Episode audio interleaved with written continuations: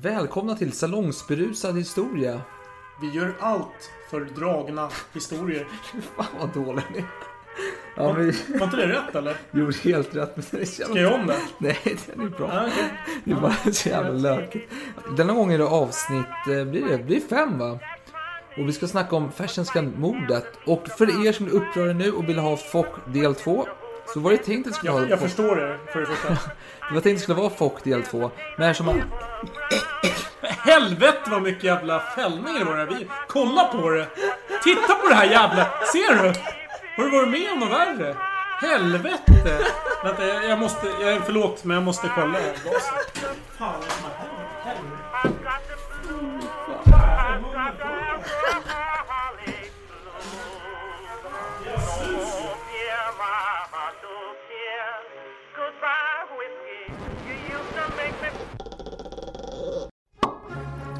Mitt konunganamn skall vara Karl den sextonde Gustav. We shall never surrender. allen Zeiten nicht die Mehrheit. Kom inte med en sån jävla provocerande och aggressiv ton mot mig. Där har våldet triumferat. Ask not what your country can do for you. Ask what you can do for your country. Ska vi verkligen öppna en till flaska? Ja, vad fan har du att välja mellan? Skål, ta mig fan. I have a dream. Ah, I see you look at your leader. And I too look to you, Paul Bauma. It's one small step for man. One giant leap for mankind. Okej, vi, kan ta vid. Vi tar vid där vi slutade. För er som hade hoppats på att få höra Foch del 2 denna vecka så får vi beklaga det. Men det, det var tänkt att det skulle bli så, men eftersom det, det går snabbare för Sveriges riksdag att ändra i grundlagen än vad det tar för Alex att läsa klart en bok. Så får vi hoppa till ett eh, ämne vi redan kan väldigt bra eftersom att den här podden kom till eh, Egentligen är, det var nog för kanske ett och ett halvt, två år sedan då vi skämtsamt pratade om att vi skulle göra en podd om historia och kom på namnet Salongsbrusad historia. Men det följer i, i sonden ganska direkt då. Eh, men sen förra, i somras faktiskt, i juni där, så skulle vi ha en resa som hette I Axel von Fersens fotspår. Det skulle följa Axel von Fersen, den yngre, eh, eh vet det, eh, slott i Sverige och besöka dem och eh, prata lite om hans liv. Eh, så jag tänkte att jag sätter mig i din soffa Alex och så kan vi spela in när vi snackar om Fersen. Och du var väldigt skeptisk men efter ett övertalande så hade du helt plötsligt köpt en eh, mikrofon och vi började spela in. Det gjorde vi och eh, det blev hela tre avsnitt. Vi ska säga att det färdiga resultatet hamnar ju på fyra och en halv timme på dessa tre avsnitt. Och eh, det kommer aldrig släppas, tack gode gud för det. Eh, och eh, vi jag vill ge en liten beröm till vår vän Rickard, mer känd som Höstlövet, efter avsnittet Torhovet. Eh, som har lyssnat på det här, han har lyssnat på de här tre avsnitten två gånger. Så han har alltså haft eh, åt, nio timmars lyssning på det här avsnittet. Det är ganska imponerande. Alltså det är, det är inte så jävla roligt alltså, ska jag säga. Jag tror att eh, Jean Moulin i sitt fängelse hade det trevligare än vad... Och det, Jean? Moulin var alltså mannen som blev plågad av tyska nazisten och tortyrmästaren Klaus Barbie. Ja, under andra världskriget. Han var en del av den här eh, franska motståndsrörelsen. Men det är, det är kanske Mm. Det är ett annat helt ämne. Vi kommer ta dem lite senare kanske. Men i alla fall. Eh, och eh, vad ska vi... Och idag så ska vi prata då om Fersen, men inte hela hans liv tyvärr. Och, och, vi, och i vilken fashion? Det finns ju två fashion som är ganska framstående ändå. precis, vi pratade ju om eh, Hans Axel von Fersen. Alltså det, Axel von Fersen den yngre. Eh, han som... Vi ska gå igenom lite hans liv här eh, snabbt. Axel von Fersen, han är ju mest känd för sin relation med Marie Antoinette, Ludvig den XVIs fru. Och hans fritagningsförsök av kungaparet under franska revolutionen. Precis. Och han. Och ja, ja, kanske inte så mycket annat egentligen. Han har ju haft ett väldigt intressant liv. Man kan tänka sig att han är som en, en svensk Indiana Jones nästan med alla hans äventyr fram och tillbaka.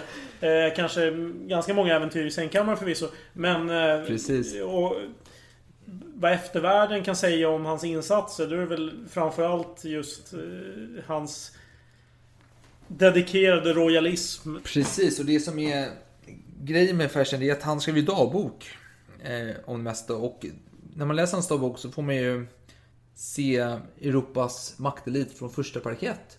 För han var ju väldigt högt uppe i det politiska spelet. Och vi kan säga, men förutom Marie Antoinette eh, och den grejen så var han med i eh, amerikanska frihetskriget och han hade ett eh, kungligt garde i franska armén. Han var även med i eh, svenska kriget mot eh, Ryssland. Eh, och han eh, var som sagt Gustav IIIs spion i Paris. Man ska jämföra honom med en nutida figur han lite som en krigskorrespondent.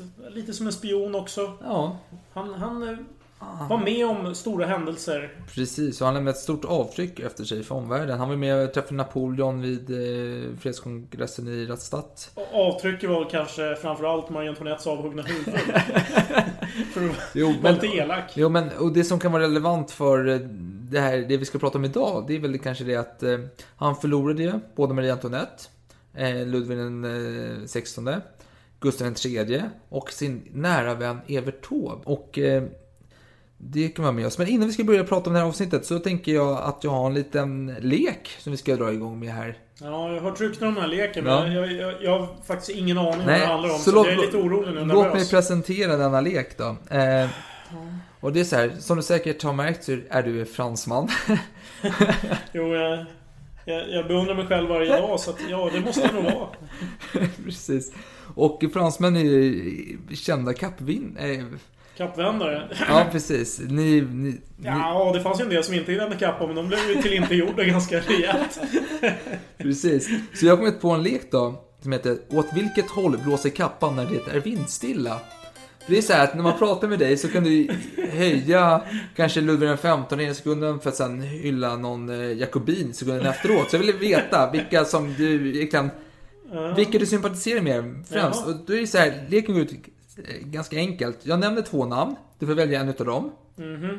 Och eh, den som vinner får gå vidare och möta nästa person. Så till exempel, vem föredrar du? Din mamma eller pappa? Du kan svara nu alltså. Nej men det kan jag inte svara på. Jo men nu får bara, för, för ja, ja, saker okej, men då ska... säger jag bara min pappa då. Ja. Hemsk jävel alltså. Ja. Jag kan inte vinna det här. Ja, okej. Okej, v- vad föredrar du? Katt eller hund? Katt. Ja, då möts din pappa och katten i nästa omgång då. Förstår du? Så nu har vi grupp ett. Ja. Och det är några namn där. Men Du- vad är det för form av batalj? Jag har inte riktigt förstått Nej, du, begreppet. du möter ju olika människor. Ska, Ja, du, ska men du ta ställning? Vil, vil, vadå, för att se vil, vilket håll kappan blåser åt när det är vindstilla. Vem föredrar du? Du kan inte sitta och Jo, hylla men- Napoleon och sen eh, Fast, fast jag, hylla... jag skulle ju hellre välja Napoleon i krig än, eh, inte vet jag. Ja, fast nu är det allmänt. Ja, men det är svårt. Men Nej, okej. ja, men det, det här är- alltså, ja, för vi ja, andra det människor är principfasta. Jo, det finns det. Jaha. Det kommer du märka, vet du. Okej, vi börjar lite enkelt. Vi mjukstartar det hela. Mm. Okej, Lord Nelson eller Jack the Ripper? Jack the Ripper. ja, men det är solklart. Ja, men Vadå fortsätt. då? Så du gillar en man som mördar kvinnor och... Eh, Fan, Lord Nelson. Den där mannen alltså. Nej, jag inget till övers för Lord Nelson. Nej men, eh, Okej, du- ja, Jack the Ripper. Han känns som en eh, stabil okej, du... eh, favorit där. Då En vinnarhäst. Jag noterar Jack the Ripper här då, i, Ja. så jag går vid- Jack the Ripper går vidare. Mm. Okej. Robespierre mot Axel von Fersen, den yngre. Robespierre kanske du vill berätta om lite vem det var, så, för de som inte vet. Robespierre, han var ju en framträdande person under terrorväldet i, i franska revolutionen. Väldigt osympatisk, han hade tydligen stora bölder i ansiktet. Otrevlig man. Eh, han förordade då att man skulle avrätta i stort sett alla motståndare. Han var ju inte så mycket för att bara fängsla in dem. Precis. De skulle av, ja, halshuggas. Ja, så vem föredrar du?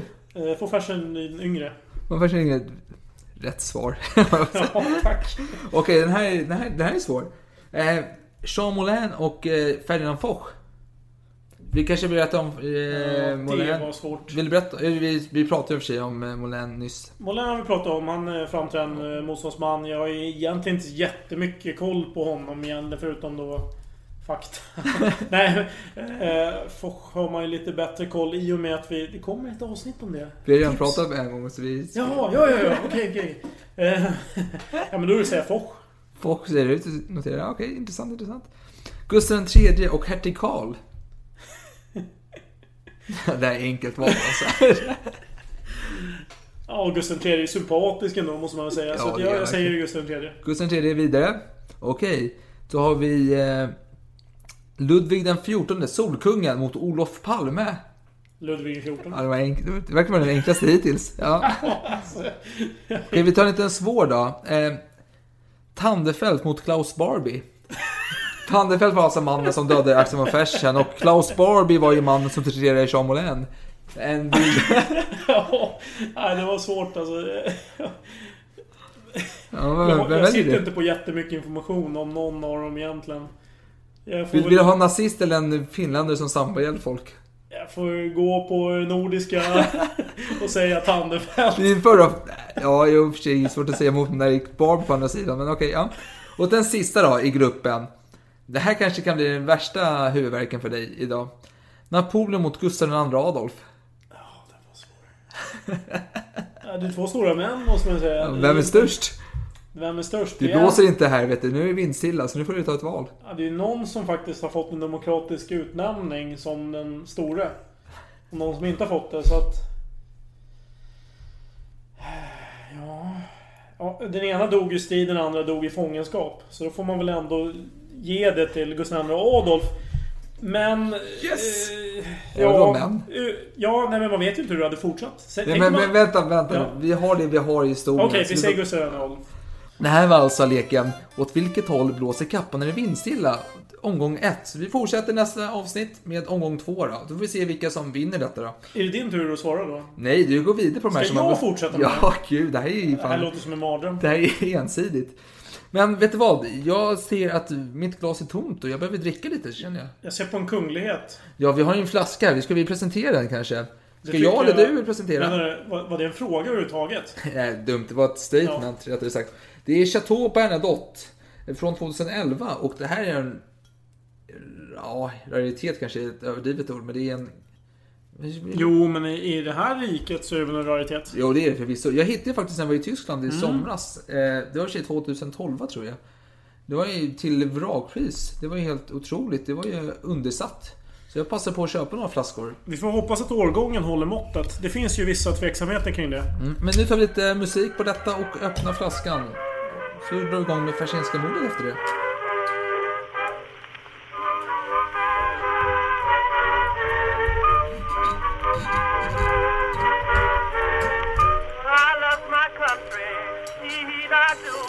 But oh, that war has made the Och vad ska vi börja denna historia? Jo, jag tycker vi börjar eh, i mars 1809. Det är så här att eh, kungen då är Gustav IV Adolf. Och om vi går till 7-13 mars där så händer mycket saker. Han blir avsatt. Det är de hemska 1809 års män med Silversparr, Adlercreutz och kompani i farten. Varför blev han avsatt? Kan man fråga De sig. ansåg att han var ganska inkompetent. Han har ju förlorat Finland till ryssarna och det händer mycket saker. Han, Det är allvarligt att förlora Finland. ja, men han trodde att han var Karl XII. Han såg ut som Karl XII också. Han började klä sig som Karl XII. Men man måste tänka så här, vid den tiden, då har flera kungar förlorat delar av Finland och... Och förlora hela Finland, det är ju en katastrof. Det är fruktansvärt hemskt. Ja, och vi måste tänka på att vi befinner oss i en tid i Europa då många kungar påvisar psykisk instabilitet. Har danskarna, de är helt galna i huvudet. Och eh, tyskarna i Preussen där nere, de håller på som fan. Vem vet vad de håller har för sig. Ja. Och eh, Karl, eller Gustav IV, han är inget undantag egentligen. Han har en ganska konstig krigsföring. Jag tror att Armfelt var det som sa att eh, om man för krig som honom så har vi snart knappt ett rike kvar snart. Nej. Monarkin har en svag ställning i Europa. Det är, Ja, det är, det är revolution... nej. ja, efterdyningarna efter eh, franska Det revolutionen. hemska som hänt i Europa. Att det går väldigt bra för Napoleon. Han var ju ingen... Han var ju visserligen en kejsare som går på något sätt att likställa kanske med nej, nej, nej, nej, nej, nej, nej, nej, nej, nej. Så, så ska vi inte säga. Okej. Det vore helt... Det var ett tjänstefel. Det var, det var väldigt känsligt ämne. Ja, vi, vi det, fortsätter. det, ja, men det är så här. Hertig Karl, Gustav IIIs eh, bror och Karl, eh, Gustav IV Adolfs eh, farbror blir kung. Och nu blir det lite spänd stämning här i riket. Och Fersens roll, vet, man vet inte så mycket om just det här vid... Nej, vänta, jag vill bara avbryta här. När du säger spänd stämning. Jo, men det är ju så att även om Gustav IV blev avsatt så har ju han en son i sin tur. Så att det finns ju folk i riket som vill att hans son i sådana fall ska efterträda honom. Om man nu inte bedömer att Gustav IV var tillräckligt vettig och, och så vidare. Precis, jag tänkte inte komma in på det. Det är bra att du säger det. För det är så här att eh, Axel von Fersen, han är ju väldigt mån om att eh, Gustav IVs son eh, Gustav Vasa ska ta över tronen. Gustav Vasa, sa du? Gustav av Vasa, som han kallas Ja, ja. för. Prins Gustav Mm. av Vasa. Ta över tronen. Och det här vill ju inte motstånd, alltså 1809 års män. De vill ha hertig Karl. De vill ha honom. Och de kallades för Mannerheimska klubben. Och eh, Gustavianerna, de som var för eh, Gustav IV och hans son Gustav av Vasa, kallades för De la Gardiska ligan. Och nu minns... Och där var ju Fersen en del av den ligan. Precis, och jag tror nog att det var Jakob eh, De la Garde som var eh, huvudman i denna tid. Men Axel von Fersen, han var ju... Ut, utåt sett så var han ju huvudmannen. För han var ju en av de eh, Eh, främsta gustavianerna i riket. Han älskade ju sin Gustav III, det var ju så. Men han har ju dragit sig tillbaka och... Eh, alltså senare år har jag hängt med en yngre förmåga som hette Emily Aurora de Geer.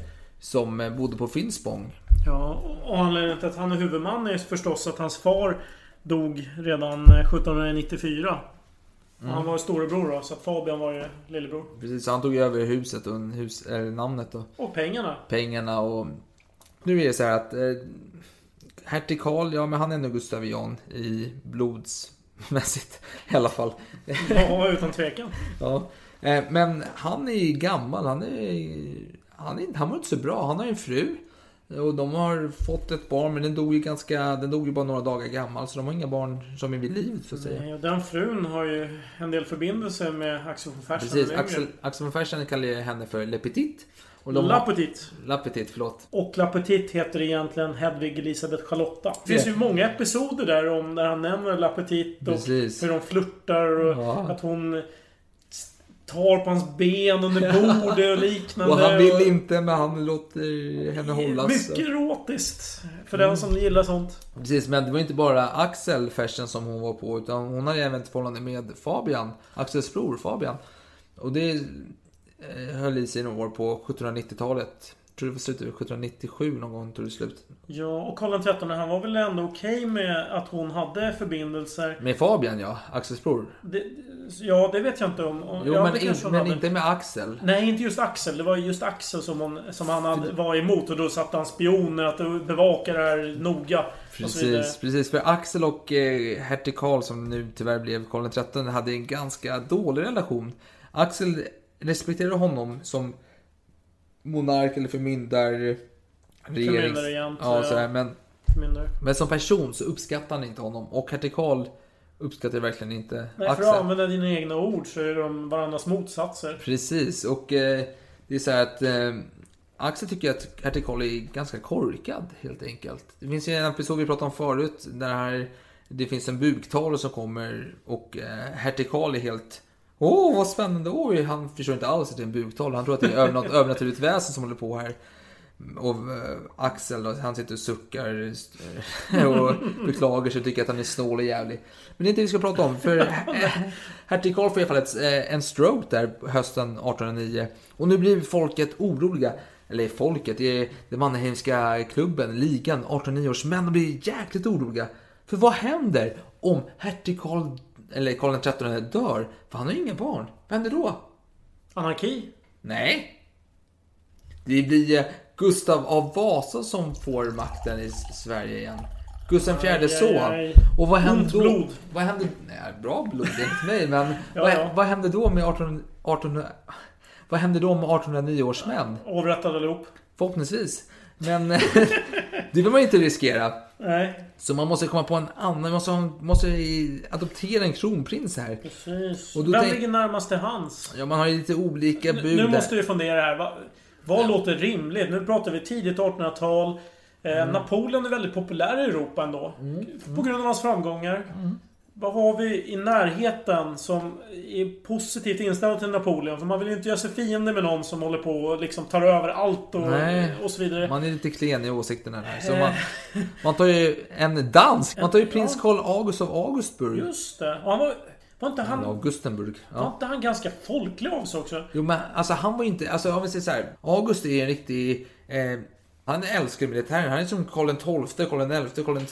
Den gamla goda karlen. Fast han ser ut lite som kanske, ja, någon, någon som kör lastbil om dagen. Liksom, ingen ingen så här kunglighet direkt. Eller? Men han ser ut som en Broder Tuck mer eller mindre.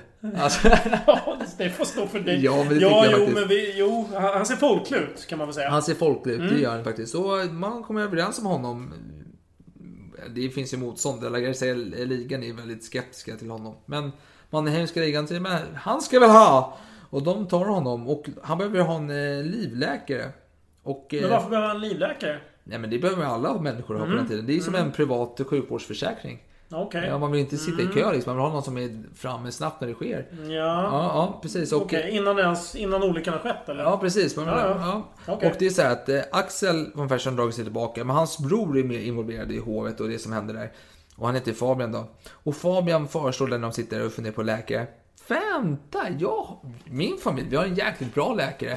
Han heter Rossi. Han är, Rossi? Han är italienare. Vänta nu, italienare? Inte Ja. de som är såna här Ja, giftmördare? det vet man ju när man går runt i Italien. Man är ju orolig för att sticka till när, var som helst när man är ute och besöker eh, turistattraktioner. Italienare älskar ju gift, arsenik, strykinin och allt möjligt. De är. Fan, hur kan man välja en sån läkare? Ja, det är lite skeptiska reaktioner. Men okej, vi har ingen bättre alternativ. Så Okej, Rossi får bli hur, eh, livläkare. Och nu blir det så att Fabian Fersen och en bra får ju åka ner till Skåne för att motta kungen när han kommer dit. Och eh, ganska direkt så börjar August, Karl August då, eh, klaga. Det gör ont i magen och underlivet och huvudvärk hade han också. Och Adelsberger som han eh, utav 1809 års män då. Han frågade om man skulle tillkalla läkare och ställa in den här resan till Stockholm. Och, nej, men nej, nej, nej, det är lugnt. Det är lugnt. Det är bra, det är bra. Men vet du vad? Det är så mycket fint folk runt omkring och jag är en, folk, jag är en man utav folket. Fast jag är kunglig då. Eh, Så jag behöver en eh, handsekreterare. Som inte är adlig. Jaha, ja, okej, okej. okej. Kullberg får den tjänsten. En viss Kullberg. Men sen är det så här att greve Adelsberger eh, möter en kurir som hade ett brev från hovkansler Wetterstedt. Och som det stod att eh, Wetterstedt har fått höra att den delagardiska ligan skulle mörda prins Carl August. Wetter skrev, skrev följande. Jag kan dock aldrig tro att de har mod nog, dessa patriotiska apor, att gå bröstgänges tillväga. Snarare väljer de den hemliga utvägen av gift och där märker nästan ingen mänskliga försiktighet värja. Och så nu gick ju ryktet om att eh, skulle bli giftmördad utav Delagardiska ligan. Ja, det är ju som en... eh, Vad ska man säga? Vad, vad kallas det? Hälla bensin på elden? Eller hälla bränsle på elden? Ja, Ja, någonting, ja. någonting. Skitsamma. När det väl tar fart, då blir det ett helvetes schabrak av det hela. Jag vill, jag vill bara säga, fan det här är ju bra alltså. Jag gillar, det här är bra vin alltså. Men det är så att... Eh, Jo men precis, för att han, han eh, har då, det finns då farhågor om att ehm, han ska bli giftmördad. Det låter ju illa, Precis. Och nu är det så att eh, han kommer upp till Stockholm efter lite möda och stort besvär.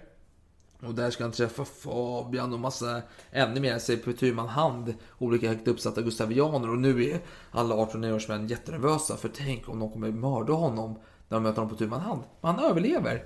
Hmm. Och den här Karl han går runt och besöker fattigstugor och det är ju... Det, det är knappt så att Gustav III sprang runt och hängde med de fattiga i riket. Nej gud nej, vad ska han göra det? Jag ska ju smutsa ner sina fina dräkter som han för sig var han ju hos sytt ner själv. för sig var han hos, Sytt upp själv, förlåt. Ja, för sig var han ju hos spådamer i de fattiga Johanneskvarteren. De men kanske var fattiga, men vad fan, det var ju inte... det var en spådam liksom. Det var inte så att... Ja. Eh, Och, och de hade ju rätt dessutom med röda kappan. Men det är en helt ja, annan historia. Det hörde ni i avsnitt 1 och 2. Mm. Och eh, nu får ju prins Carl August möta Axel von Fersen. Och Axel von Fersen han har varit med Ludvig XV, Ludvig XVI, Gustav III, Gustav IV. Alla Europas kejsare och kungar har han träffat. George III. bror och ja, Ja. kungen av Ja, England. George III. Danska kungen och Danska drottningen. Kungen, var ju ja. för jävla i och för sig, men Ja, det är en helt annan fråga. Han gick ju därifrån då, men eh, Mm. i alla fall. Så han, han vet ju hur man gör vid dessa tillfällen. Så han eh, går ner och möter honom utanför eh, Fersenska palatset som ligger på Blasieholmen. Finns lite del utav det kvar än idag. Jag har det där bredvid Grand Hotel. Han, går fram, han möter honom nedanför och hälsar på franska, som sig bör. Men Karl August, Jag kan svenska och tyska så det räcker. Du kan prata det med mig istället. Han kan inte franska. Säkert. Jag vet inte riktigt hur, hur det kommer överens. Det framgår inte riktigt. I alla fall, men nu är det så här att eh, prins Carl August eh, håller på och eh, reser runt i Stockholm och besöker fattiga fattigstugor och gör en stor succé bland det vanliga folket. Eller det lilla folket som eh, visst BP eh, Precis. eh, hade sagt. Eh, Men det blir ju en tväromvändning när han ska möta fashion som är absolut inte det lilla folket. Eller Precis, men, det, men vi vet inte så mycket vad som hände mer än det att de bara hälsar på varandra. Mm. Men nu är det så här att han ska ner till Skåne och han ska eh, vet du, besiktiga armén där nere. Det är ju Mhm. viktigt, det måste man göra någon i ändå. Har han, blivit, har han fått någon officiell ställning nu? För det känns som att han ändå Han har... är ju kronprins. Han har blivit adopterad av Karl XIII. Ja, ja. Det var ju storsint av, av den Jo, gode hertigen. Ja. Eller kungen. Eh, ja, väljer att inte kommentera detta. Eh, jag är bara ett god där som jag tyckte var lite Ja, ja, okej. felplacerat. Okej. Ehm, Okej, han har blivit adopterad. Ja. Jag tycker ändå det är värt att nämna. Okej, men ner på resan då. Så vi till Linköping, en liten håla där som heter Lilla Åby utanför. Och där blir han sjuk efter måltid. Och han behöver en livmedikus. Och i Stockholm, ja då vill man skicka en eh, von Weigel som är läkare. Men han är upptagen, han har inte tid för sådana här kronprinsar. Intressant. Och då, men Fabian är där då, han är lite trött så. Han bara, vad fan. Han, men Rossi! Man var lite skeptisk till Rossi. Han var ju ändå italienare och fashions. Alltså det Han var, han var livmedikus! Ja men vad fan, han är italienare. Alltså, Okej, kan okej, vi skicka von Weigel så skickar vi von Weigel istället. Von Weigel. Ja, Eh, Weigel, vad- ja. Weigel, vad är det för någon? Är det någon, Det är en- är det någon pommersk man eller? Låter som en pommer. Okej, en pomrare. Ja, Mm, right. Jag vet inte. Det, Ja, det, ja, ja. säger den här eh, Kullberg då, eh, Mm. handsekreteraren. Rossi är en person som hans kungliga höghet hyser föga förtroende för. Vad fan, jag kan inte skapa läkare! Prinsen får nöja sig med den som finns till hands! Svarade Fersen då, Fabian Fersen då. Han är ju fan irriterad nu. Han är inte med det här mitt på natten och sitter och håller på och ringer runt till olika läkare. Så han ringer, han säger till eh, Rossi, du drar till eh, Lilla Åby och eh, kollar läget med prin- kronprinsen här då. Och nu är det så att eh, han blir bättre, Karl August där på. Och han åker ner till Kvidinge i Skåne. Men inte tack vare Rossi då? Nej men vad fan. Alltså, är... Nej men Rossi var inte på plats. Nej men, det jag men, menar. men, eller? Rossi kommer ju ner dit och de Ja, åker ja. vidare. Men han har ändå blivit bättre med tiden. Ja. Tiden läker alla sår. Han så såg säga. Rossi bara Fan det är bäst jag låtsas vara frisk nu för den där jäveln den kommer giftmörda mig annars. Alltså, det är ju stora spekulationer från min sida. men- Ja precis. Ja. Och vad händer i Kvidinge? Han, han kollar i armén där och han rider. Och helt plötsligt börjar han rycka till. Och han faller av hästen. Jaha. Och han ligger livlös där. Nej. Jo. Han dör ju för guds skull. Rossi kommer hit och de tillkallar en lokal eh, läkare. För att eh, man tänker så här. Vänta nu. Ska man obducera utan kungens godkännande? Ja, vad fan har du att välja mellan? Okej, om man ska sammanfatta det hela. Eh, folk var inte övertygade om dödsorsaken. Att, ja, att det var någon, någonting naturligt helt enkelt. Utan, ja, baserat på det vi har pratat om tidigare. Ja, men vad fan. Du har en livmedikus som är italienare. De är kända för att vara giftmördare. Ja, det Du har, en, en du har en kronprins som är hatad bland vissa. Och som helt plötsligt faller död. Det, Mm. det kan ju intressera de som är, vill ha en annan dynasti. Som Ja, eh, ja. leder Sverige Ja. såklart. Så det här, det här leder ju till en massa oroligheter. Precis, och det är så här, under obduktionen som eh, Rossi utför med den lokala eh, läkaren så hittar man ju ett, eh, en svart vätska med två korn i, stora som sandkorn då. Och det la man i en flaska och ställde i rummet. Och vad hände med dessa korn då? Nej, städaren ställde bort dem och det var inget mer med det då. Så det vill man ju veta vad det var för någonting då. Men, eh, och nu är det så här att eh, hertig Karl, ja, han är förvisso kung då, men det skiter jag i. Hertig Karl får i alla fall besked om att Karl August dött. Åh nej! Stackars honom, tänker han. Jag måste obducera honom. Så skickar eh, Briselius och Pontin eh, för att obducera eh, Karl August då. För hertig Karl vet ju inte att han redan blivit obducerad. Och de tänker, fan vad trevligt, en resa till Skåne, gratis. Det är fan schysst alltså. Det är ändå bra traktamente säkert. Ja, får man hoppas i alla fall. Kanske. De kom ner dit och bara, vad fan är det här? Nu har du lagt in hans kropp i massa jävla oljor och balsamerat skiten. Har ni redan obducerat? Jaha? Men de läser protokollen och kollar lite det de kan i kroppen och bara tänker, ja men det, det här stämmer ändå ganska bra. Det verkar vara ett slaganfall trots allt. De skickar sin rapport till Collegium Medi- Medicum. Och de höll ju med. De har lite kritik till att man kanske haft lite mer eh, kemisk eh, kunnig folk närvarande för att analysera källor. Den där bortstädningen och den där svarta vätskan. Jag kommer att tänka på någonting som hände 180 år senare. När man barskrapade de här, de här kulorna från ett visst... Från ett visst Vänta. statsministermord. Ja, Olof Palme igen. ja, ja, okej, ja, okej, förlåt. Ja, men nej, jag, jag måste ju säga det. Har man inte lärt sig 180 år senare? Ja, nej men jo, nej, jo, förvisso. Men enligt Collegium Medicum så var man ju inte direkt... Alltså man höll ju med om detta, att Rossis eh, version. Att det var, det var slaganfall, han ramlade av hästen dog. Det var inget mer med det. Och de skrev ju, Briselius skrev då eh, hem till Stockholm detta då. Eh, Gå in i slutet av eh, själva brevet då. Det är således omöjligt att i allmänhetens övertygelse vederlägga det ogrundade ryktet genom några vidare undersökningar. Och det ogrundade, ogrundade ryktet var då förgiftning. Och det, denna text då, den läses ju upp i Opinionsklubben. För Mannerheimska klubben hade ändrat namn till Opinionsklubben. Det var deras nya eh, hittepå-titel då. De fick för, för dåligt rykte kanske. Ja, men ja, jävla amatörer. Ja, men i alla fall. Och, och det skrev av den här eh, texten då. Men du vet, det är som den här viskeleken när man är barn man lekte. Att man skulle gå runt i en cirkel och viska typ Mm. så här, Och det blev bara bullar. och det blev bara värre. värre. Här blev det ju ogrundat något helt annat. Och nu börjar det riktigt spridas bland, och det här publicerades bland folket i Stockholm. Och folket var jäkligt upprörda. De gillade ju ändå Karl August. Och vem är att skylla på detta? Om inte Gustavianerna. Och vem är ledaren för Gustavianerna enligt folket? Kan det vara Axel von Fersen yngre? Han var framträdande gustavian. Eh, Men i alla fall, han blir ju syndabock för detta och vi får minnas att eh, hans eh, bästa vän Evert Taube hade blivit giftmördad enligt rykten 1799. Och var det inte så att eh, hans, eh, vad blir det? En vän till familjen, det var någon eh, eh, eh, syster, eh, man, Otto, Otto Möllersvärd, hade hastigt dött i Pisa där under 1800-talets början. Jo. När han var på resa med Fersen. Och In, in, var det Axel von Fersen? Det var någon, någon släkting till Fersen som var på resan? Eller var det nej, aldrig- var, Axel var med Ja. sin syster och deras döda systers dotters man, Otto då.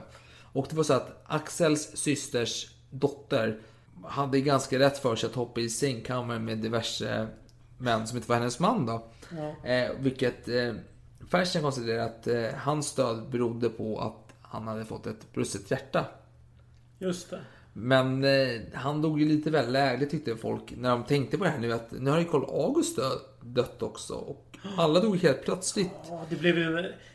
I den där, i den där räven. Det är räven och det Det är rävinnan. Och rävin, Rävinnan. var hans syster då. Så man var ju ganska övertygad om detta då. Och nu var det så här att Fersen, han har hållit sig lite i bakgrunden. Men han var ju ändå riksmarskalk och det kräver ju att man leder. Han var riksmarskalk. Det, det är någonting du inte har nämnt. Han Nej. har ju en eh, framträdande position. Han är ju omtyckt av Gustav IV Adolf. Ja, kanske på grund av att han hade en bra relation till fadern Gustav III. Ja, jo, Så, absolut. Han var omtyckt. Han fick en fin position i Ja. det nya samhällsskiktet. när han fick positionen, riksmarskalk, så var riksmarskalktiteln Ja, det var en dålig titel. Det Ja, var ju- precis. det var otrevligt Men i och med Gustav IV så blev den lite mer upphöjd. Och då är det så att man har hand om de här kungliga eh, likprocessionerna. Så Mm. nu skulle alltså Axel Fersen ha hand om likprocessionen för Karl August. Men det passar ju Fersen bra. Han var ju ganska mycket för formalia och att allting skulle vara korrekt och så vidare. Det är ju ganska bra att ha en, en riksmarskalk Precis. som eh, går, följer traditioner. Absolut. Och vem har hand om eh, säkerhet på denna likprocession då? Jo, men det är Silversperre, en av 1809 års män. Det var han som tog vargen ur Gustav IVs hand då. Och, och det är så här att kungen, hertig Karl då, eller Karl XIII, förlåt. Eh, Konung. Nej, det, det tar emot att säga. Alltså, det gör det verkligen. Man har gett ord om att inte bruka våld om man ska ha lös, äh, lös ammunition. Då. Mm. Och det här ville inte Silversberg det till hans försvar. Då. Eh, Han ville ändå ha skarp ammunition, men han, han fick en order hit och dit. Så det var Hans ju så. försvar, det kanske var fredligt att inte ha skarp Ja, nej, men alltså, jag menar alltså att Silversberg ville ju ha skarp ammunition. Det var hertig Ja. ja.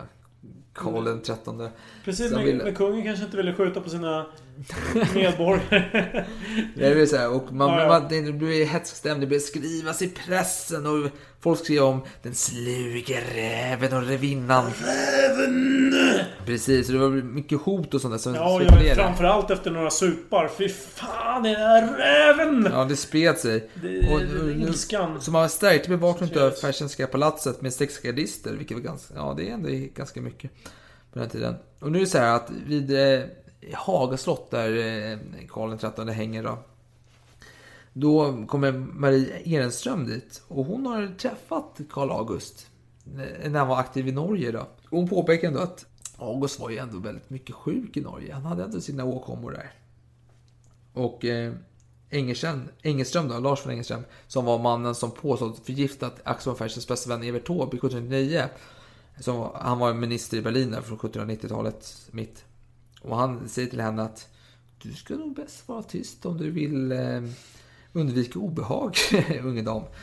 Ja, ja. Och eh, Axel von Fersen kommer dit till Hageslott för han har kollat igenom det här eh, vet du, körschemat för den här likprocessionen och han tänker att det här är inte riktigt bra gjort. Det här är en amatör som har skrivit det här. Jag vill rätta lite saker med eh, kungen här. Men kungen, mot förmodan, så tar han inte emot Axel. Jaha, så Axel sitter och väntar några timmar, visslar lite där i korridorerna. Och sen säger han så här, jaha, har inte kungen tid att tala med sin riksmarskalk om arrangemangen som måtte vidtagas för likprocessionen, så avlägsnar jag mig. så gick han därifrån visslade. Precis så lät det. Ja, precis så lät det. I alla fall, så han gick därifrån visslande. Så det ju så att eh, eh, Fersen, han har ju en, en trogen kusk som heter eh, Bauer då. Och han har varit på... s- Har han eh, designat hockeyhjälmar? Eller är han med i en tv-serie? jag vet inte. Nej. Okej. han Det är var bara- en fråga bara. Han är, han är en simpel kusk. Mm, eller Ja. en simpel hjälmmakare. Ja, men han är i alla fall kusk i detta fall. Och han är Mm. väldigt eh, trogen kusk. Han har varit med väldigt länge. Och han har varit runt i stan här. För nu kommer vi till eh, 20 juni 1810. Och nu blir det hetsk stämning. För nu ska den här likprocessionen ske.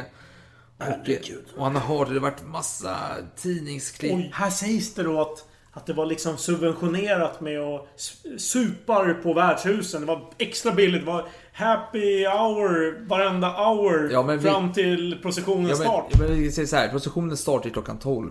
Och folk var redan gravt berusade Ja, då. extremt berusade. Så brännvinsklubbarna pillare. säkert 70, eller 70 säger jag, vid sjutiden och serverade 70 Och Ja, ja, ja. Bauer hörde stämningen när han gick, han gick i alla fall fram till farsan och sa så här. Sätt inte i vagnen nådig greven. Jag har hört av folk som jag mött på gatorna att man tänker förolämpa er. Mitt samvete förbjuder mig att hemlighålla det. Säger han till farsan då. Det här känns lite tillrättalagt att säga att, eh, att de kommer förolämpa er och misshandla Det låter som en greve som skriver vad en betjänt som egentligen så bara Hörru greve för fan! Fan de kommer fan slå ihjäl dig va! Fan ihjäl! Vänta, Fulla vänta, va! vänta nu. Ja. Det här var ändå en man som jobbade för den förnämsta familjen i Stockholm. Jag tror ju knappast att man pratar som du förespråkar. Men i Stockholm så var de in- lite efter va? Det var inte pariser-stil nej, vänta, vänta, på vänta, vänta, nu, måste jag, nu måste jag motsäga dig. Ja. Det är så här att när Fersen kommer till Sverige igen efter eh, mordet på Ludvig den 16 och eh, Marie Antoinette. eh, Avrättningen, ja jo mordet. Ja, Ja, det är mord. Det är ja. kallblodigt mord. Eh, och då sitter han och möter han några bönder i Skåne då och han säger så här. Han älskar ju de här bönderna. De är så härliga och de beklagar sig över den eh, franska konungen och drottningens bortgång. Och de är civiliserade. Jämfört med att i Paris där pöbeln kräver avhuggna huvuden och blod. Så nu jag tycker du ska omvärdera din åsikt här i frågan. Ja, nu kommer vi ifrån ämnet. Vi, vi går tillbaka. Men vad svarar farsan eh, Bauer då tror du? Vad han svarar... Vänta nu, nu snackar vi Jack Bauer. Nej, sorry, vad- var det för Bauer nu? Kusken du- Bauer. Kusken Bauer! Ja, ja, ja, just det. Att det går åt helvete. Men han säger nej, nej, nej. Det här är min plikt och det här kommer gå bra. Eller något sånt här liknande. Alltså det, Ja, han bara sket i... För det är så här, han svarar så här. Det bryr jag mig inte om. Vill inte du köra för mig Jakob, så tar jag en annan kusk. Vill ha min galavagn? Och Bauer svarar så här. Oj, eh, eh, jag fruktar det värsta, herrn. Men jag ska inte överge någon, greven. Fan, ja, det är ändå... Ja, men jag tycker det är, det är en skitstövel alltså, farsan. Nej. Han, jo, jo, jo. Han, han, han sågar sin eh, kusk här som kommer med bra råd bara. Fan, de, de hotar er herrn till livet. Och så kommer kusken bara, äh, eller vänta, bara, vänta, äh, vänta. dra åt helvete! Jävla fegis! Så här, det är du som kommer dö om någon dör, inte jag i alla fall. Det säger han inte. Jag tänker, Jesus på korset, han dog för mänsklighetens synder. ja, enligt Bibeln. Ja, är du, vem är du att säga emot Bibeln? Nej, jag var inte där så jag kan inte säga Nej, något. precis. Och Fersen, han vet ju om att det, det ryktas lite skiten om mig, men jag, jag gör det i alla fall. Det är min plikt. Han, han, Mm. han lever ju för Sverige, han lever för kungatronen, han lever för kungakronan. Han är en royalist. Han kan inte sitta här och vika ner för några pöblar som sitter och hotar honom. Och det är så att Axel får ta emot brev. Jävligt dåligt skrivet, men jag kan ta den första raden i brevet då. Till Axel Fersen. Usling! Läs detta brev och darra! Ja, alltså sen fortsätter det. En jävla harang som är skittråkig att läsa. Men Det var det var jätte... Jag vill veta mer. Vad, vad säger du mer? tror du att din liga, att två miljoner människor låter några aristokrater ostraffat begå vad horrör som helst och låta trampa sig och några sammansvurna Vänta, eh, eh, landsförrädare. För detta avbryta. olyckliga land evigt vara under trycket av tilltaget sådana här våldsverkare. För, för att vara en eh, fruktansvärd gatu... Ja, ska man kalla det? Gatubuse. Så, så kan ju ändå franskan använda Ja, men- uttryck som horrör. Ja, alltså jag, jag, jag känner... det Det, är- här anar... Det här, jag, jag anar ju en greve eller något liknande. Ja men ja, precis, det är Ja. så här, det är så här, de avslutar det med att Karl August ska hämnas. Och som du är inne på, de har ju många franska ord som horrör, med, eh, moralité och så vidare. Liksom. Alltså det finns ju mycket franska... Det är ju ingen gatubuse som inte kan franska. Alltså, Precis. det Och vad gör, och vad gör, vad gör Foch med detta brev? Foch. det är en bra fråga. Mycket bra fråga. Jag menar Fersen såklart. Okej, Fersen. Vad gör Fersen med detta Ja, brev? det var en sämre fråga, men okej. Vad Fersen gör med det bro, men han skiter ju i allting. Han han är inte dugg intresserad. Han har bestämt... Ja, han... han Han lägger i plånboken såklart. eh, vad- sa du? Han lägger brevet i plånboken. Jaha, ja... Nej men... För Fersen så blir allting ett ställningstagande. Kommer in någonting från en uppenbarlig pöbel. Då ska man, eh, då ska man kasta det. Och så vidare. Han måste ju kunna stå för allting han har gjort. Ja precis, och alltså jämfört med fransmän så inga, är han inte en kappvändare. Det är, det, men- det är därför denna lek kommer till denna avsnitt. För Fersen är en man som tror på det han tror på. Han, alltså en fransman skulle... Woho, vad Nej, jobbigt." vänta nu. Jo, för det är så här att Oxenstierna, en eh, försupen adelsman, Ja. säger till farsen att du, jag behöver lite pengar, jag kan ta över din roll i denna kortege och köra liksom. Men, och farsan har ju en väg ut här. Han kan ju bara, Mm. oj, oj, jag har lite ont i magen, jag måste kräkas här. Ge mig lite lavemang eller någonting så är det bra. Ja just det. Ett av de tre läkemedlen där enligt medeltida sätt. Ja, ja. Ja, ja, Ja. Men, men han gör inte det, för han, han vet att han kommer få stryk. Och det är så här, Karl trettonde, Mm. han tycker det är ganska bra för nu ska den här busen få lite rufsakalufs här liksom. Det, det hör till liksom att han ska få lite stryk här. Det. Alla vill ju det nu. För Precis. fashion är ju finare och lite bättre än alla andra i Sverige på den här tiden. Och han har ju, här har han möjlighet att gå undan, men han väljer att för honom är plikten framför allt för att eh, Citera Gustav VI Adolf. Precis. Några hundra år sedan. ja, precis. Och det är så här, och nu ska vi hoppa fram till detta då då.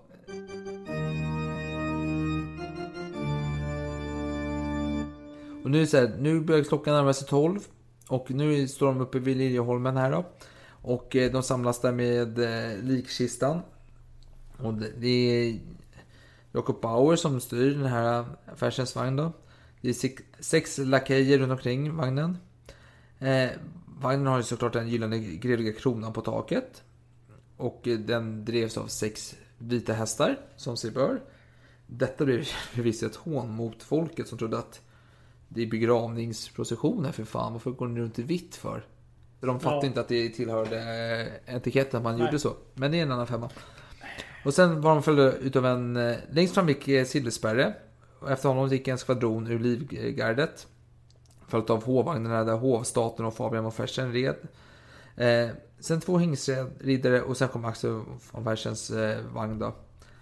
Och Axel satt där ensam i vagnen i sin svarta kappa med Serafimerorderns blåa band och riksmarskalksstaven. Och nu började det bli så här, klockan 12 gav signal. En raket sköts upp från Liljeholmen. Och strax på en raket från Hornskroken. Katarina-klockorna började ringa. Maria Magdalena-klockorna började ringa. Eh, Gertrud, Sankt Gertrud-kyrkan började ringa och det var alltså tyska kyrkan. Och Sankt Nikolaj, vilket var Storkyrkan, började ringa och kyrkan på Norrmalm började ringa. Och tecknet för att alla alkisar skulle ut ur värdshuset. Fulla som satan. Nu bara... Nu ska vi puckla på den där jävla greven som har giftmördat vår kronprins! Ja, nu tolkar jag bara pöbens tankar i det hela. Du får gärna Det uppskattas, det uppskattas. Ja. Ja. Vid Hornsgatan blev det mer och mer folk. Sockerbruksmästaren Rundqvist gick ut och ställde sig framför Gödebäcks sockerbruk och hetsade ungarna att kasta sten på Färsens vagn. Bra gossar! Hurra gossar! Vid Maria kyrkomus så började stenar flyga mot vagnen. Den, den bakre glasrutan gick sönder. Vid Södermalmstorg stod Otto Johan Tandefelt. Och han, vem var denna man då? Jo, men han tillhör en adelssläkt i Finland. Hans far var president i Åbos hovrätt. Och han hade suttit i ryskt fångenskap och hade nu tagit jobb som matros och skulle iväg till England. Och han var klädd i blå långbyxor, grönrandig manchestertröja, en svartblå rysk mössa. Och vagnen gick där, krossade glas, det är spott och eh, skräder från små pojkar som höll på där. De åkte över Röda Slussens bro. Och nu blev det, kom de till Kornhamnstorget och nu blev det jävligt trångt där. Och folket, de ropade. Prinsmördare! Du ska dö din jävla sprätte! Giftmördare! Prinsmördare! Giftmördare! Lena! Nu ska du dö! Slugger! En sten träffade främre fönstret och Fersen började blöda i ansiktet. Fortsätt kasta Gustav! Han blöder som en gris på slakthuset! Och nu kommer fler stenar kom på. Och en träffade kusken Bauer som föll ner men han... Han kom upp igen i sadeln och började rida vidare. Fy fan för färsen! Och de kom till Stora Nygatan. Död åt Fersen! Döda honom! Döda honom! Döda honom! Prinsmördare! Nu har du rört min fru för sista gången! Smaka sten din bandit! Död din hund! Han ska dö! Helt plötsligt hörs en visselpipa blåsa. Och då börjar stenarna eh, kastas i full fart mot vagnen. Det kross, rutor krossas hit och dit. En, en sjöman gick fram till vagnen och eh, stod upp innan fönstret och slog till Fersen med käppen i ansiktet. Aj, det börjar blöda som fan.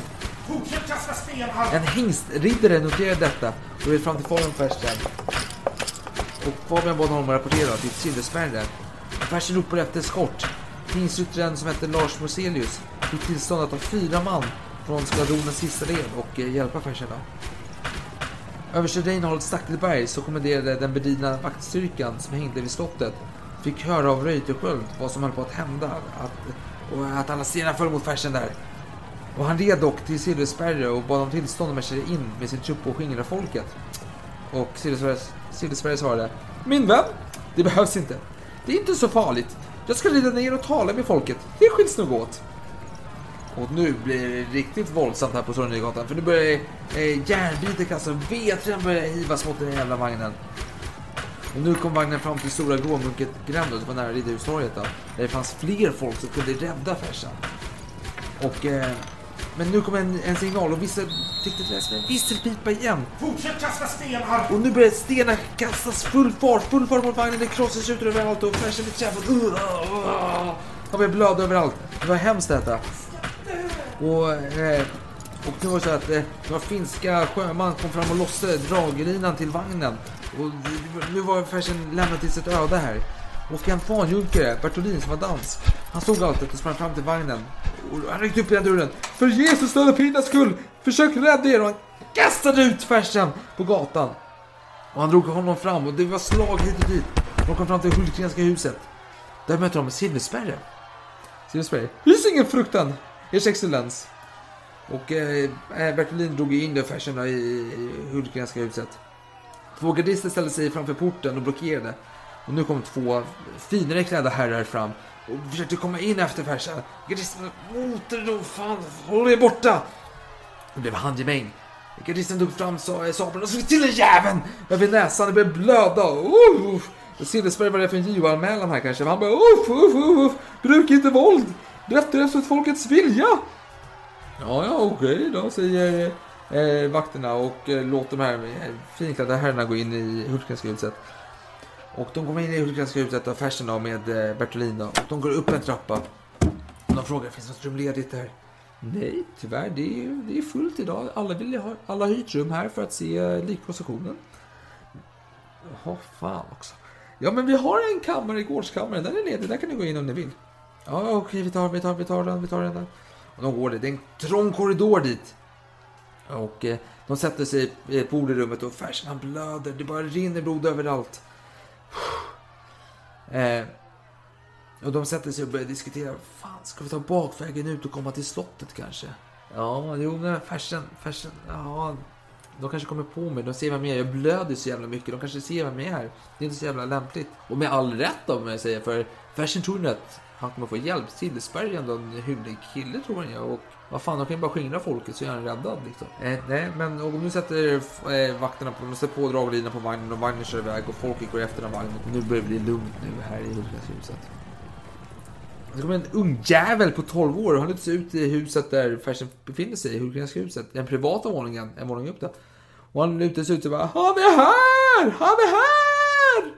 Och han får ju respons från andra hus som ropar här är han ju! Han är här! Här är han ju! Och nu är det så här att folk kommer tillbaka, det börjar bli liv igen i området och i huset Axel befinner sig så är det såklart en brännvinskrog där och folk...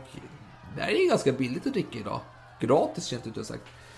Och nu kommer Tandefelt, den här finländaren vi pratade om förut. Han kommer till platsen. Och han tar Sillesberg i hand och säger Han ska knäckas! Oj, oj, och grossaren Lexov som är en jävla hemsk uppviglare. Han har gått runt hela dagen på förmiddagen. Alltså, nu pratar vi alltså 7 till 11 på dagen och eh, gett pengar till folk och sup, sup, sup. Han har betalat massa krogar. Här, jag bjuder alla på gratis, gratis dricka ikväll. Är du mot pälsen? Ja men här har du lite pengar och dansop så ska du fan fan... Får du ge honom en smocka va? Precis, men jag tror Lexov var britt förvisso. Ja, ja. Men, ja, men nu är det så här att eh, kommer fram och, eh, också fram till Hultgrenska huset och ropar högt. I nationens namn fordrar ett greve Fersen för sin rest! Fast han hade brittisk accent på detta då får vi säga. Och nu kommer kaptensänkan Berner in. Och hon känner ju Fersen, för hon har varit i Fersenska palatset eh, många gånger på eh, diverse besök. Och hon säger så här till honom på franska, för hon kan ju franska. Chez vous assure, monsieur le comte, que votre vie est en question. Och Fersen svarar då. Oh, que non madame, je n'ai pas c'est dangereuse. Mais non parlons suédois. Parce que si non parlons français, le peuple devient plus facile. Ah, nu, jag tror jag förstår vad du menar. Ja, vad sa hon då? Hon säger så här att ditt liv är i fara, Ja. herr greve. Ja. Och då säger han så här, nej, nej, eh, fru. Men eh, om vi pratar franska så kan folket bli argare. Bra betyg på min franska. Absolut, det var det. Och nu är det så här att utanför eh, Hultgrenska palatset är det lite folk, det blir hätsk stämning. Och det är en fransk jävel, en eh, översädd de Surmain. Och han har, eh, han har ridit längs likvagnen och har återvänt till Stora Nygatan. Och han går fram till eh, Sillsberg och ber honom ta, ta till vap, vapen och skingra folkmassan. Men Sillsberg, nej, jag har läget under kontroll här. Det är lugnt, det är lugnt, lugnt. Och Sörmän blev ju helt galen. Han blev, vad fan dras i året? Fan din jävla inkompetenta jävel! Han rider ut till Haga för att prata med eh, kungen då. Och för att få en order om eh, att de ska ta till vapen. Och nu var det så här att pöbeln söp för krogen som fanns i huset och folk blir fullare, fullare, fullare, fullare, fullare, fullare, fullare. Och i ledning av eh, grosshandeln Lexov så beslutet sig att nu går vi in till Fersen och tar honom jäveln. Och det börjar banka på dörrjäveln. Det börjar... Vi ska in! Och Fersen, han är på insidan, han håller upp eh, dörrhandtaget och börjar pressa emot. Och han höll i vredet där. Och då säger den här Bergner då. Det är farligt det, ers excellens. Någon skjuter upp dörren. Och Fersen bara, oh, gud vad hemskt om de skjuter mig. Oh, jag backar undan. Och Fersen flyttar på sig och Lexov öppnar dörren och skakar sin näve högt i skyn och säger Du riksförrädare! Din rackare! Din bov! Bekänn dina brott! Din horbock, din syndare! Låt Guds vrede straffa dig! Då kommer en Lambert. Eh, Och han är en jävligt suspekt jävel. Alltså, alltså, och han befinner sig bakom Lexov. Han börjar beskylla Fersen för att ha vållat den franska revolutionen. Det är jävligt komiskt. Vi som har läst Fersens dagbok Eh, alltså. När du säger Lambert, du tänker på Lambert. Fortsätt. Och du svarar då den här... äh, Lambert. Ja, greve Fersen. Ni har varit orsak till franska revolutionen och nu vill ni ställa till henne med en son. Sen ni mördat vår älskvärda kronpris. Ni och, och er elaka syster har förgiftat honom. Vi ska hämnas! och Fersen svarar då. Nej mina vänner, jag är oskyldig. Jag har älskat kronprinsen och sörjer hans död lika djupt som ni. Och skall göra det så länge jag lever.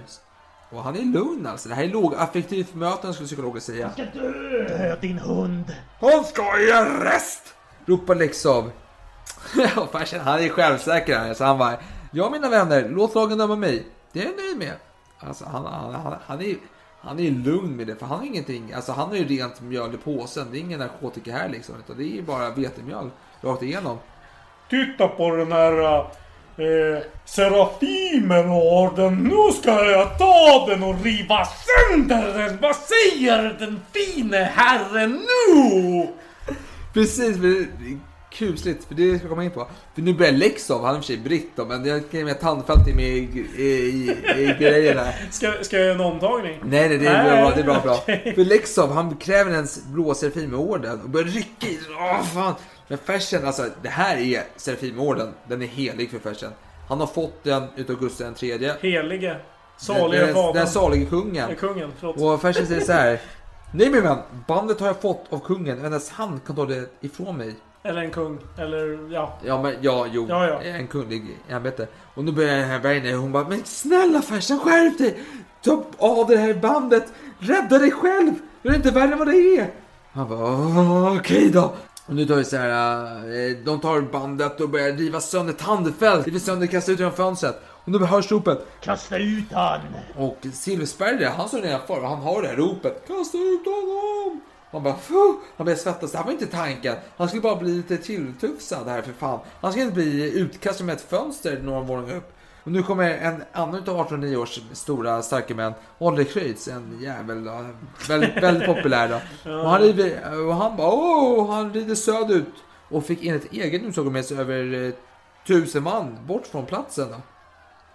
Men det är så här att om det här stämmer är lite tvivelaktigt. För det är en eh, Bernard Beskov. Han skrev ett brev att det endast var sex personer som följde Holler Kreutz bort från platsen. Då. Och nu är det så här att Silversperre beger sig upp till färsen.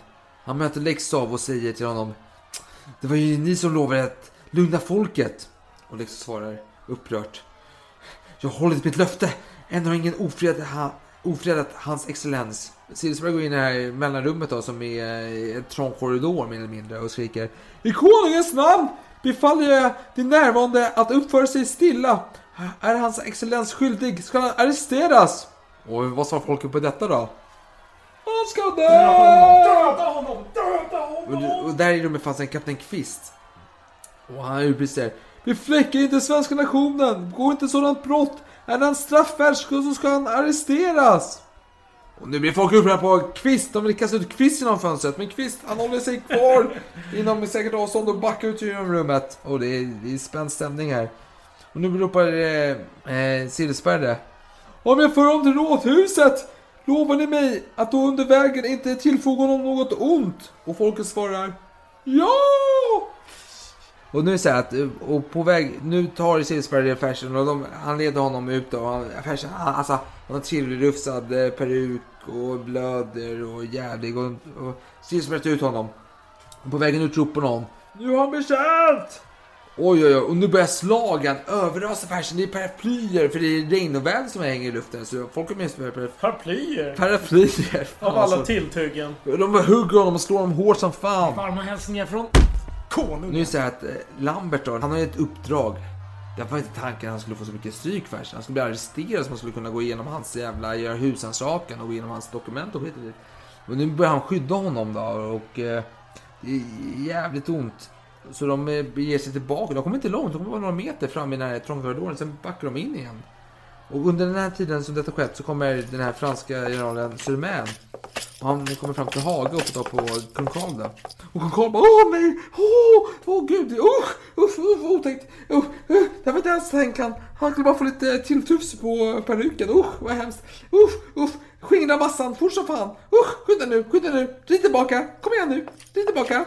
Och Sir Sir Man rider tillbaka i full fart då. Och nu är det så här att Karl XIIIs fru, eh, Hedvig Elisabeth Charlotta, hon går runt där fram och tillbaka för det är så att hon känner spänningen här. För det är så att hon har ju eh, Axel Ferses syster Sofia Piper har en massa dokument som tillhör eh, Hedvig Elisabeth Charlotta. Och eh, det är ganska komprimerat material här. Alltså det här kan vara ganska känslig information. För Elisabeth har ju skrivit massa saker som ska släppas för omvärlden och hon är död. Inte i nutid då. De går runt såhär. hur fan ska detta se ut? Och går runt fram och tillbaka i Haga slott och hon planerar en flykt därifrån då. Men eh, eh, hertig Karl, eller Karl XIII, skickar iväg Sir tillbaka för att ge order om att de ska nu rädda Fersen. Och nu är det så här att Fersen ska föras i arrest då, på nytt då. Silesberg, eh, han, han, han är modig trots att han är värdelös. Så han, han tar ett nytt försök då. Och nu tar han ut honom och det blir slag hit och dit. Förnäma ansikte ska få smaka på min näve! Och Silversberg blir attackerad bakifrån och kommissionär Lövgren. Och Lövgren är en jävla otäck jävel. Lövgren tog tag i Fersens strock och försökte slita bort honom från Silversberg. Uppviglaren Lambert, som försökte hjälpa Silversberg att föra Fersen i arrest, blir galen på Lövgren och tar en käpp och så till den jäveln! Lövgren är, alltså, alltså, han omskrivs som att han är som en hetsig hund. Och försöker, fortsätter försöka få bort Fersen från de här jävla Silversberg och de här som försöker skydda honom. Han försöker slå honom, den här jäveln. Och Silversberg får en sten i ansiktet. Åh oh, gud, oh, vad ont det gjorde. Åh, oh, en sten. Oj, oj, hemskt. Oj, oj, oj. Och han tappar taget om Fersen då. Och nu är det så här att nu är det bara stallmästaren Schultz och Ehrengranat. Och de är där för Fersens skull. De gör allt för att skydda Fersen. De är ändå pålitliga människor. Men... Eh, och eh, framkom även en, eh, även en Dyben. Och han har tidigare under kvällen stått nedanför fönstret. För när han hör att folk hotar om att kasta ut Fersen. Då ställer han sig nedanför fönstret för att ta emot Fersen när han blir utkastad. Då. Och han ställer sig vid Fersen och försöker ta, han tar emot slag, han blöder som fan. Och gud vad han blöder. Och han tar emot slag och försöker skydda Fersen. Serafimerorden till den här mannen. Ja, verkligen alltså. Han borde bli helgonförklarad. I min, Oj, i, men, ja. men tänk på att vi är ett protestantiskt land så vi har inga helgon. I alla fall. Och nu ser de en general Wegensack. Och Wegensack är en gammal, eller gammal, han är en låter som en tjeck tycker jag. Wegersack eller något sånt. ja, ja, Men han är en klassiker. Han har gjort det bra ifrån sig. Han är en upphöjd militär.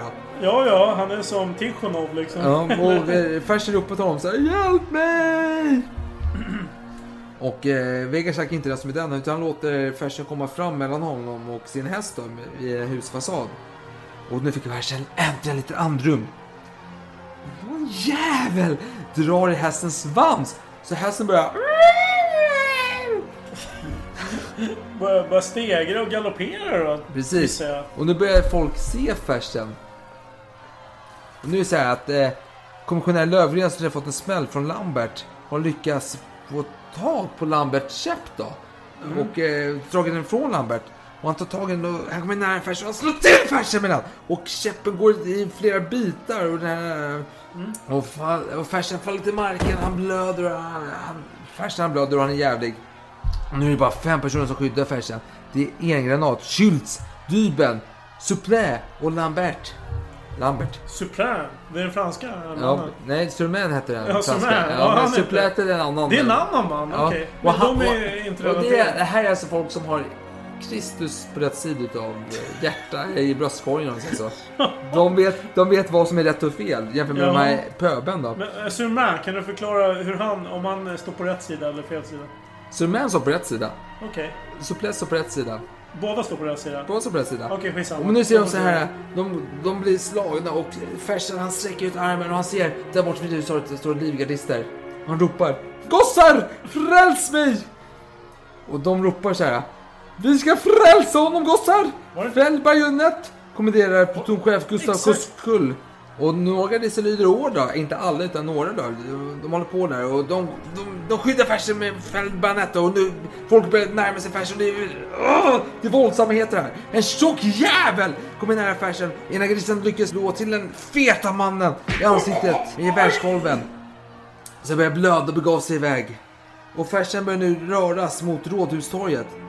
Och nu är det så här att order om att gardister skulle tillbaka i ledet hördes där då. Så gardister backar undan från Fersen. Och statsvakten som fanns vid rådhuset gav order om att vakterna skulle hålla sina led och vakta sina vapen. För det var det viktigaste av allt. Jag inte glömma. Gardisterna gjorde inget för att skydda Fersen. För varför skulle de göra det? De här jävla livgardisterna bort, de, de ju totalt i Fersen plötsligt. Nu är det så här att eh, Dyben fick Fersen in i västra flygningen av rådhuset. Några av förföljarna kom också in i rådhuset, men de lyckas stänga dörren. Och det blir lugn och ro för Fersen.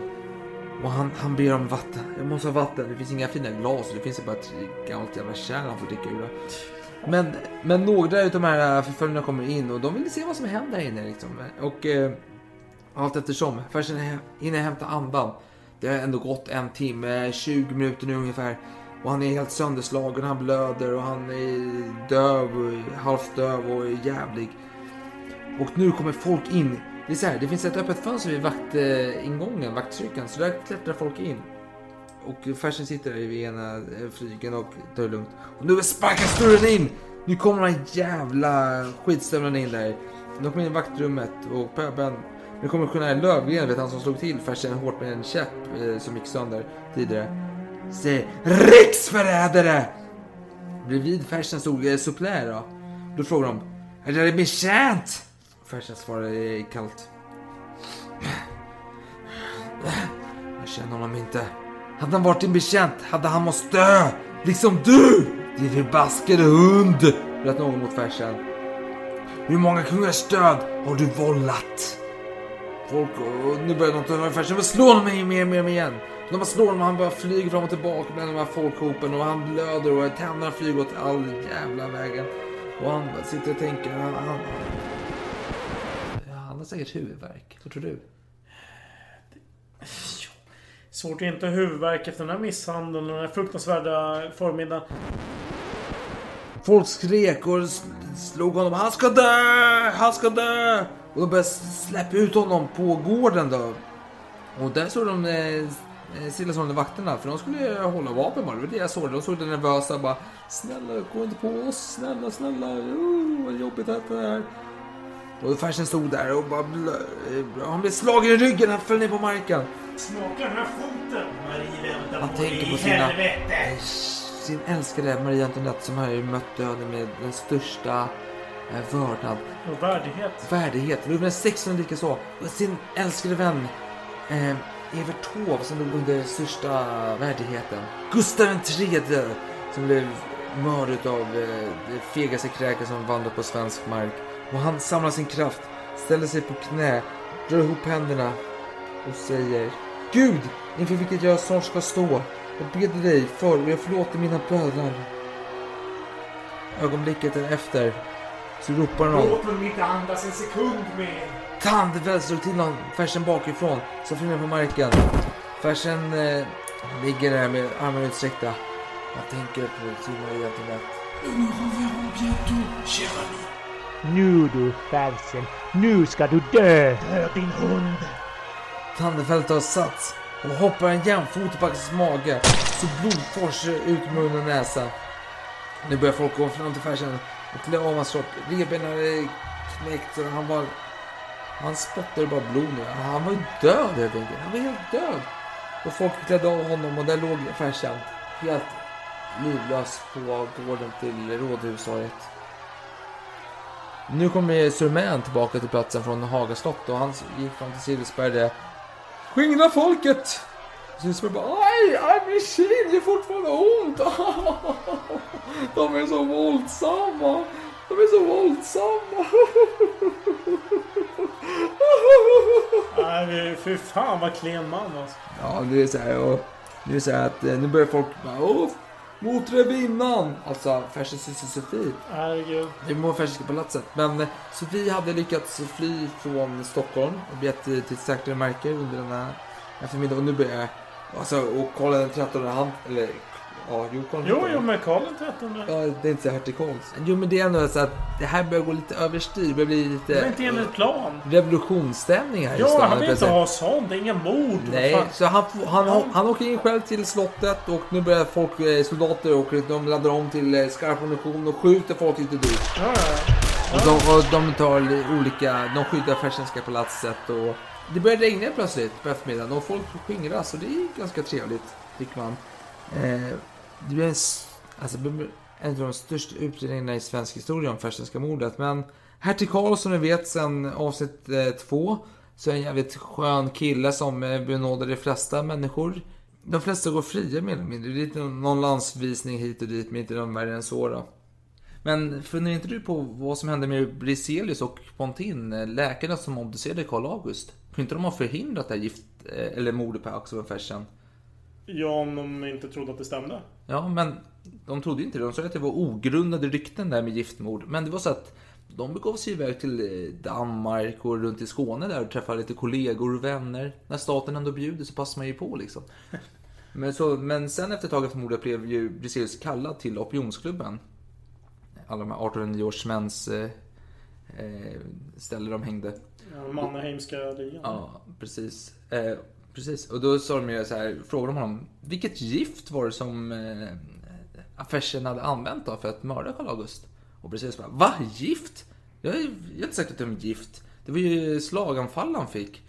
Och han blev ju, nu börjar alla stöta ut honom ur, ur gemenskapen där. Och sen ett tag senare blev han ju kallad till en, eh, till en överståthållare, Sköljebrand då. Och så började Sköljebrand prata och skuldbelägga Briseus lite här. Ja, du kunde ju ha förhindrat detta. Du, eller du bidrog med detta tack vare din eh, skrivelse då. Och nu blev vi precis va? Vadå min skrivelse? Jag skrev ju att det var ogrundat. Och jag med, nej, du sa att det var grundat, stod det i brevet. Och jag kan lätt motbevisa, för jag har ju brevet här i fickan. Så jag uppläste. Ja, ah, ogrundat, ja, ja. Ja, det står ju ogrundade där. Ja, du får ursäkta mig. Det har blivit något fel här tydligen. Och så visade det sig att opinionsklubben då, de hade ju skrivit eh, om grundare till ogrundade. De till ett O där framför. För att ge lite mer misstankar till Fersen då. Och sprida på ryktesspridningen. Och eh, som sagt, som vi tidigare nämnde så var det en stor utredning detta. Den, en av de största i Sveriges historia. Bara ditt favoritmord här, Olof Palme, som slår det mer eller mindre. Eh, och eh, Fersen blev ju frikänd från anklagelserna om gift då. Och han fick en ståtlig begravning. Eh, som sig bör. Och då var det ju en viss Bernadotte som höll för säkerheten. Den nya kronprinsen. Och eh, det är så här att eh, Axels syster Sofie Piper då. Hon reste ett monument i Axels ära. Som vi har sett. Ja, det har vi sett. Tre år senare ställde hon upp det och där stod det i dessa nejder, där han fordom njutit vänskapen och friden, skall hans skugga mötas av välsignelse och tårar. Och sen på andra sidan står det, åt en oförgätlig broder, mannamodet i hans sista stunder den 20 juni 1810 vittnar om hans dygder och sinneslugn. Och då kan man ju fundera på det här sinneslugnet, för jag har ett litet citat här från eh, Hedvig Lisbeth Charlotta La Petite. La Petita, som Karl XIIIs fru. Hon skriver så här om mordet på Fersen.